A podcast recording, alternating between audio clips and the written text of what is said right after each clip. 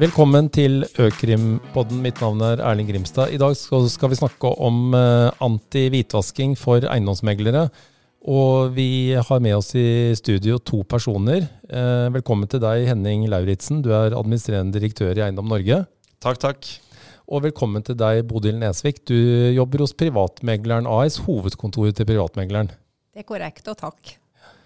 Og jeg tenkte jeg skulle begynne å stille et spørsmål til uh, dere begge to om uh, deres arbeidsoppgaver, og litt sånn intro om dere selv til dette temaet. Altså hvitvasking og hvitvaskingsrisikoen i eiendomsmeglerforetak. Og begynne med deg, Bodil. Kan ikke du fortelle litt om din rolle i Privatmegleren ved hovedkontoret? Ja, jeg er advokat og kjedesjef for kompetanse og kvalitet, og jobber veldig mye med hvitvasking. Ja. Eh, sitter også for øvrig i fagutvalget i Eiendom Norge hos Henning. Eh, og der er det også en del hvitvasking på, på programmet med jevne mellomrom, får vi si. Og til deg, Henning, eh, fra Eiendom Norge sin side. Hvordan kommer dere inn eh, på banen, holdt jeg på å si, innenfor temaet anti-hvitvasking? Vi er jo bransjeforeningen for eiendomsmeglingsforetak. Og det er jo veldig mange spørsmål som det er hensiktsmessig å løse i fellesskap. Og nå nevnte Bodil fagutvalget, som, som jo er de fremste fagpersonene i bransjen som, som møtes. Men, men, en del av de tingene vi gjør, dreier seg om rammevilkårene. Det dreier seg om dialog med myndighetene, altså Økokrim, Finanstilsynet osv. for å få på plass ting på dette området. Skjønner. Vi tenkte vi skulle begynne med at dere deler noen erfaringer fra arbeidet med anti-hvitvaskingsarbeid i eh, eiendomsmeglerbransjen. Så det er naturlig å spørre, spørre, deg, Bodil. Hva er dine viktigste erfaringer etter eh, en del års arbeid med antihvitvasking i eiendomsmeglerbransjen? Eh, de eh, viktigste erfaringene det er jo for det første at det er fryktelig ressurskrevende å, å, å oppfylle kravet til å være rapporteringspliktig. Men også det at, at det er et regelverk som utvikler seg hele tida gjennom tilsynsrapporter. gjennom, Så vi har hele tida liksom litt på følelsen av at vi er på hælene. Mm. Så, så, det syns jeg nok er det som er mest utfordrende eh, PT. Vi, blir liksom, vi kommer aldri i mål. Mm. Og så er det jo mange av eiendomsmeglerforetakene er ganske små foretak, altså med få ansatte, lite ressurser. Eh, og når vi vet hvor mange oppgaver som skal løses for å etterleve hvitvaskingsregelverket, så spør jeg meg eh, noen ganger hvordan i all verden klarer man det i et lite foretak med kanskje fem-seks ansatte? Ja, spørsmålet er jo hvor godt vi faktisk klarer det, alle foretak. fordi at i tillegg til at det er ressurskrevende i, i, i, i form av at man mye, bruker mye tid på det, så, så, krever det jo betydelig kompetanse og innsikt også. Ikke bare i regelverket, men også i metoder for uh, hvordan hvitvasking skjer osv., slik at man, man setter uh, meglerne i stand til å gjøre gode vurderinger. Mm. Og det er utfordrende. Skjønner. Og Henning, fra din, uh, ditt utsiktstårn Eh, hva vil du si er de store utfordringene for eiendomsmeglerne når det gjelder etterlevelsen av hvitvaskingsregelverket? Jeg, jeg, vil jo kanskje si at uh, noe av det som særpreger dette regelverket litt, er jo at uh, man, man, skal være operative helt ut i det ytterste leddet og være oppdaterte uh, til enhver tid helt ut i det ytterste leddet. Og, og det gjør jo egentlig at dette er et regelverk hvor både informasjon og opplæring og, og, stadig utvikling blir eh, spesielt viktig sammenlignet med en del andre oppgaver man er pålagt av myndighetene. Og risikoen eh, hvis man feiler er jo ganske alvorlig. Kan være, i hvert fall. Ja, eh, altså for, det, for det første så, så, risikerer man jo at man glipper, sånn at uh, noe man burde ha vært med på å hindre, glir igjennom. Og det er klart det er en risiko. Og så kan man jo også eh, bomme så det får konsekvenser for, eh, for, egen del. Og det er klart det er jo også viktig å unngå. Mm. Og vi har jo sett den siste tiden at Finanstilsynet gjennomfører tilsynsbesøk hos eiendomsmeglere også. Og det er skrevet flere rapporter som har en del negative funn i seg. Uh, Henning, hvordan ser du på den situasjonen for uh, bransjen? Forventer du flere rapporter med røde flagg og negative anmerkninger fra Finanstilsynet? Ja, det kan, det kan, godt være det kommer til å komme. Og jeg, jeg, tror det ligger litt i sakens natur at det er ganske komplekst, og det krever en stadig utvikling, risikovurderinger og andre ting som, som man må uh, utvikle hele veien igjennom. Uh, men samtidig så, så, skal vi være klar over at det kommer veldig mange rapporteringer fra eiendomsmeglerbransjen. Så jeg, jeg, tror nok man både kan si at det er en risiko for at uh, det kommer flere tilsynsrapporter, men samtidig så, så tror jeg man klarer å oppnå veldig mye allerede i dag. Mm. Og Bodil, eh, sett fra privatmeglerens eh, side, leser dere disse tilsynsrapportene f.eks. Som, som gjelder andre eiendomsmeglere enn dere kjede, og, og hvordan forholder dere dere til de? Eh, vi leser de absolutt, i alle fall i administrasjonen og i kjedeledelsen. For det er mye god læring i, i, i disse tilsynsrapportene. Og vi lærer jo stadig noe nytt gjennom disse tilsynsrapportene som vi kanskje ikke tenkte på i fjor. Mm. Så, så, dette er eh, krevende, både ressursmessig og, og, det er krevende å få eh, eh tilstrekkelig god opplæring i førstelinja. Mm. Altså, som Henning var inne på, det er liksom ikke nok at du har ledere som er gode på det her. Du, du, mm. Det skal jo også håndteres av de som, som, som har kundekontakt. Eh, ja. Jeg tenkte vi skulle stupe litt inn i litt mer detaljer om uh, hvitvaskingstrusselen for eiendomsmeglerbransjen. Og det er jo naturlig å spørre deg, Bodil. Uh, hvis man tenker på truslene fra kundene, uh, hvordan kan eiendomsmeglere bli misbrukt, så å si, til å være med på hvitvasking eller kanskje til og med terrorfinansiering? Hva ser du er truslene der ute? Eh, altså Truslene som vi ser, og som jeg også har fått tilbakemelding på fra de hvitvaskingsansvarlige i våre foretak, det er jo særlig trusler knytta til eh, bruk av svart arbeidskraft. Eh, det er eh, eh, altså midlenes opprinnelse. Folk får gode svar på hvor, unnskyld, hvor både kjøpesum kommer fra, men også hvor, hvor midler til oppussing og rehabilitering kommer fra. Mm.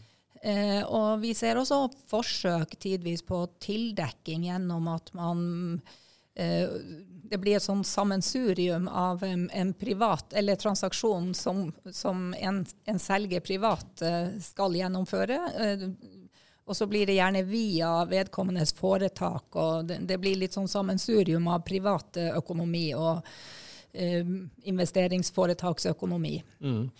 En ting som har uh, slått meg noen ganger, uh, også som boligkjøper for så vidt, da, det er jo disse egenerklæringene som følger med. Altså Selger skal fylle ut et egenerklæringsskjema og krysse av for om uh, boligen er rehabilitert eller pustet opp osv. Og, så ja. og i det skjemaet så er det jo også standardspørsmål som går ut på om du kan navngi hvilke fagpersoner, hvis du må krysse av på at du da, eller velger å krysse av på at du har brukt fagpersoner, altså ikke egeninnsats. Hvilke fagpersoner, kan du nevne noen eh, firmanavn?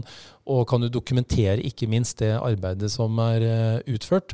Og da er det jo mange som uh, svarer nei, at det kan de ikke dokumentere. Kan det si noe om at eiendommen er pusset opp med svarte penger? Vi antar jo det.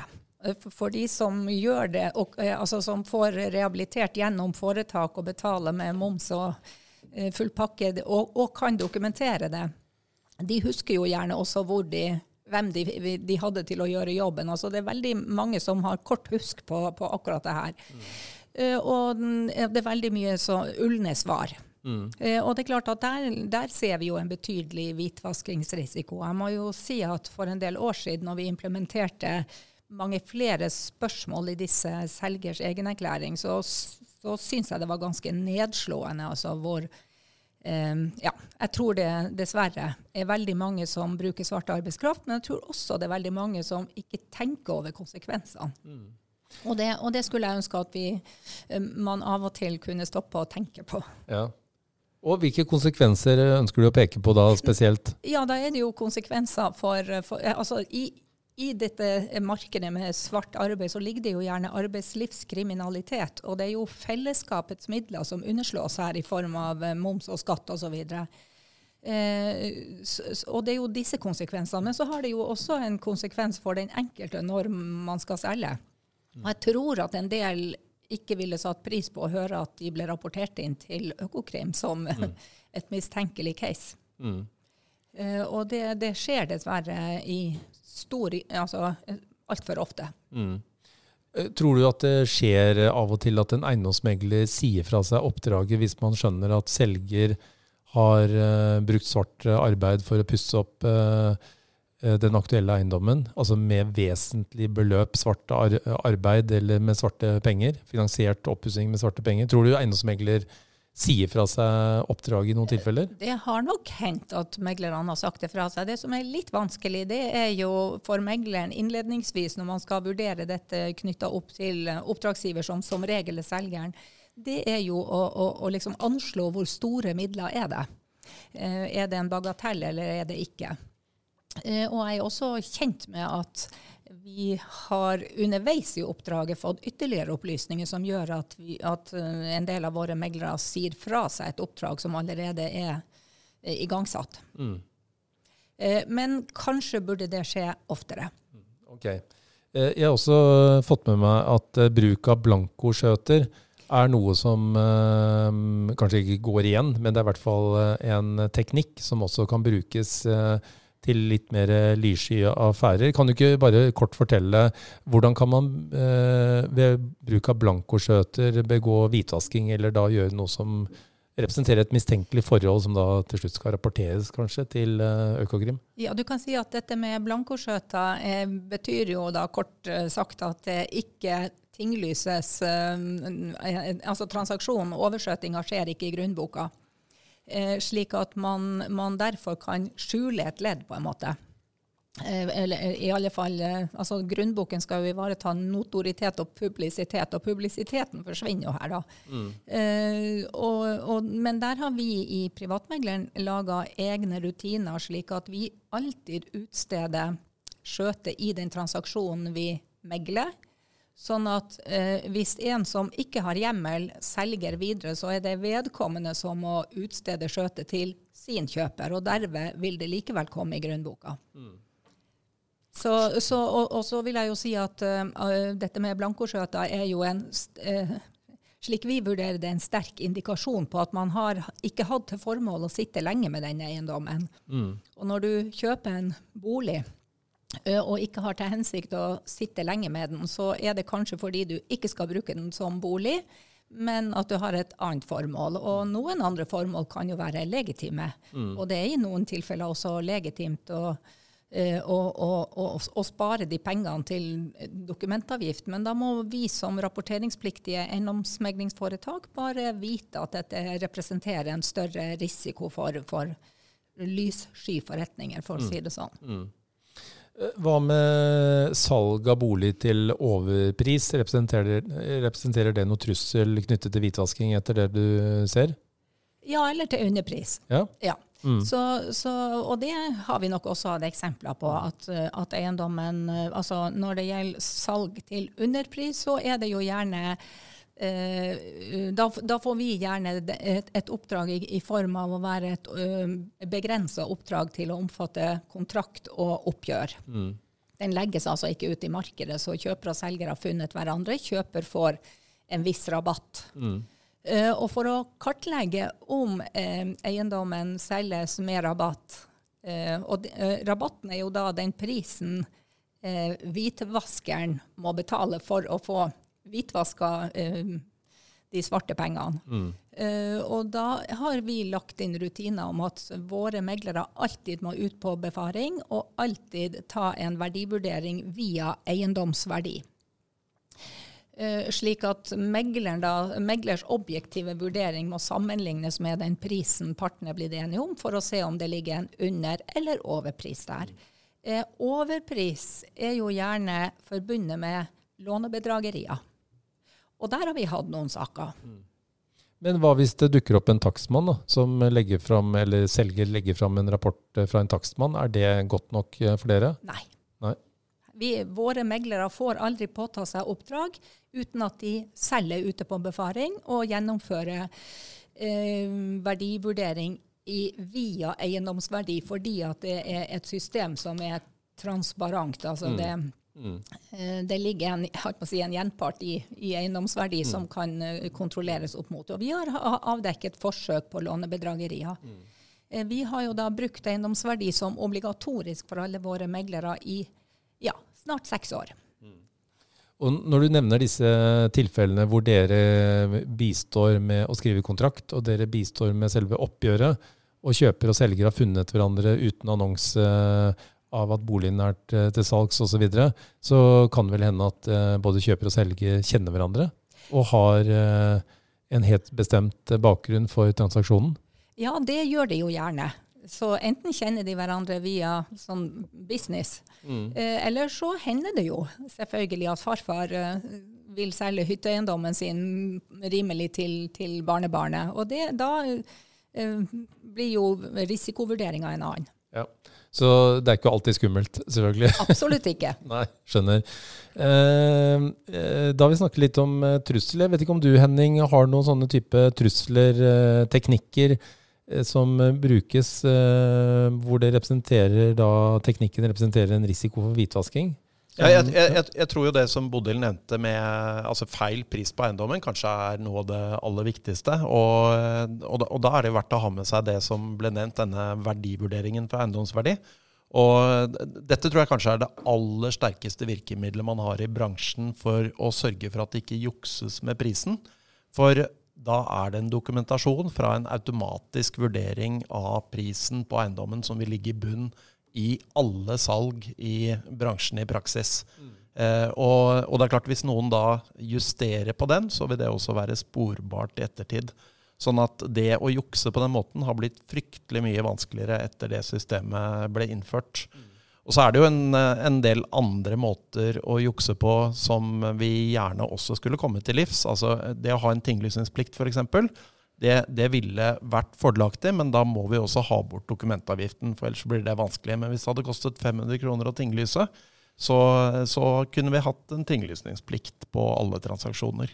Mm, og Det hadde faktisk redusert risikoen for nettopp hvitvasking i noen tilfeller? Ja, og det, og det, er jo den aller sterkeste begrunnelsen for å skulle ha det. Så eh, hadde man fått en eller annen form for revisjon av skattesystemet, så kunne man også gjort dette i samme slengen og ryddet opp der. Og så er det klart så er det, det er en del andre ting vi kunne ønsket oss også på verktøylisten. For det er klart, når man har veldig sterke plikter, så, så er det jo greit å ha de beste verktøyene også. Vi mangler noen av dem.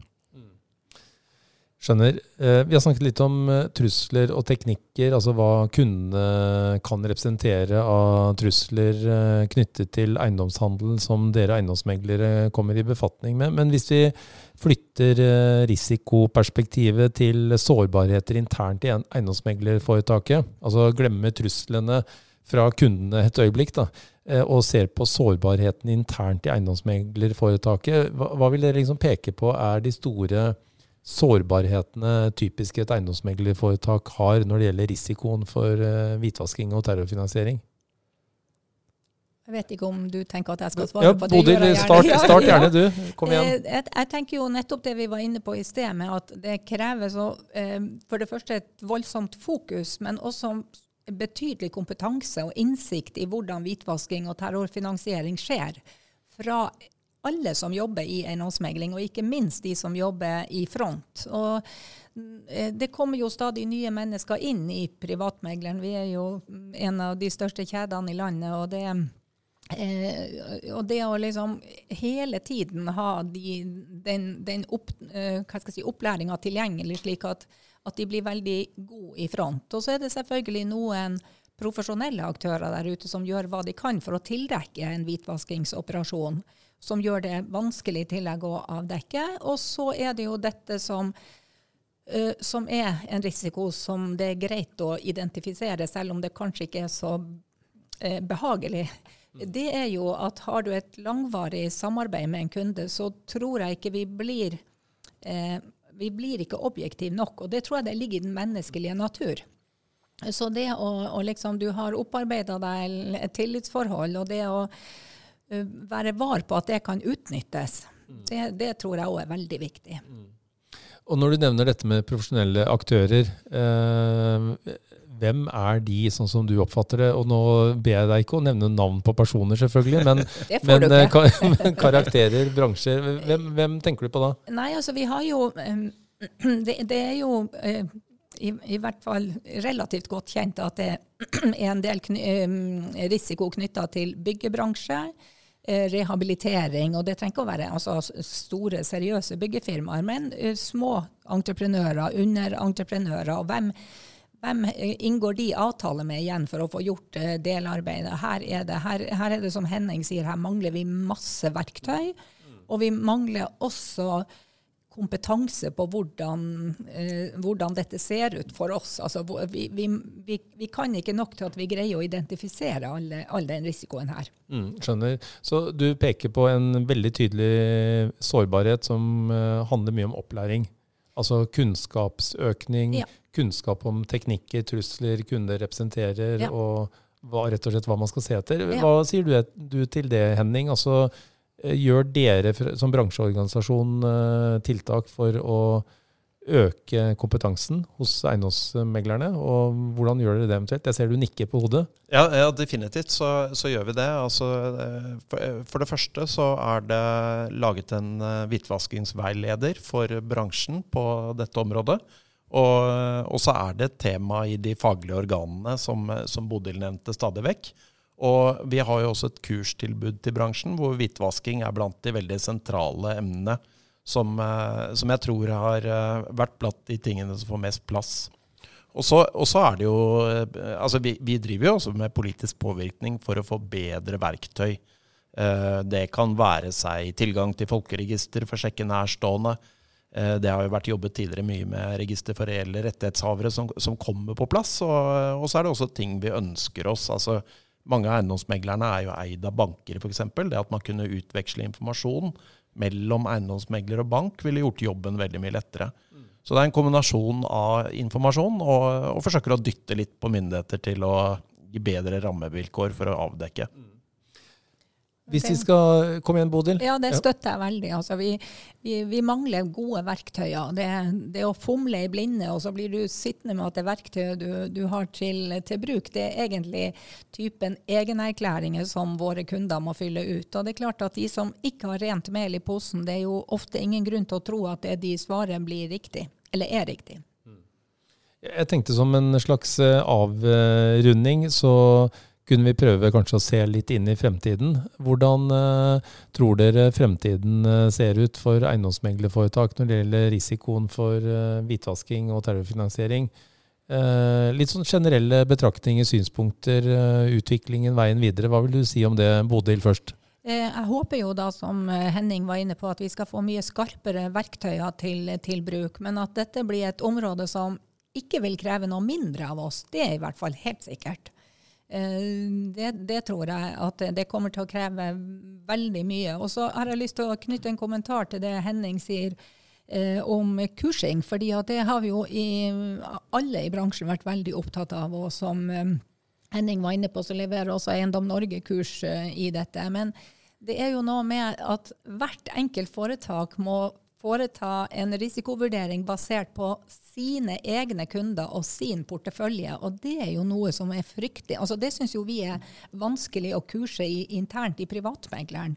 Og som bransjeorganisasjon så kommer du egentlig kanskje aldri i mål.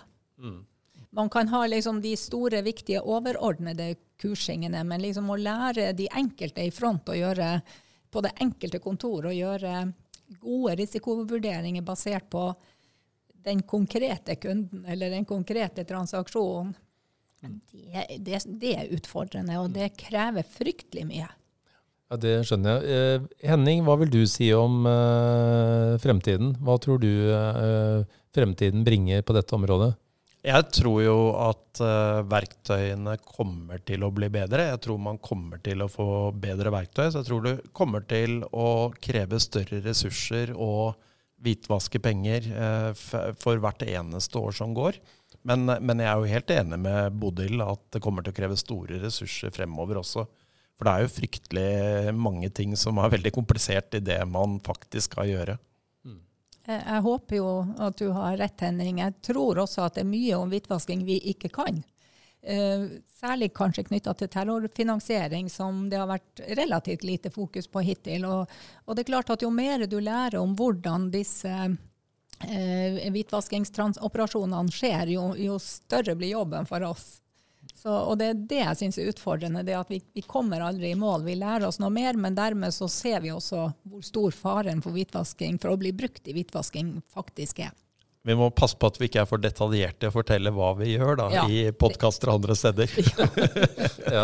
Da tror jeg dette er et naturlig sted å sette strek, så jeg takker til Henning Lauritzen, administrerende direktør i Eiendom Norge, og til Bodil Nesvik eh, hos eh, Privatmegleren. Takk til dere begge to. Selv takk. takk.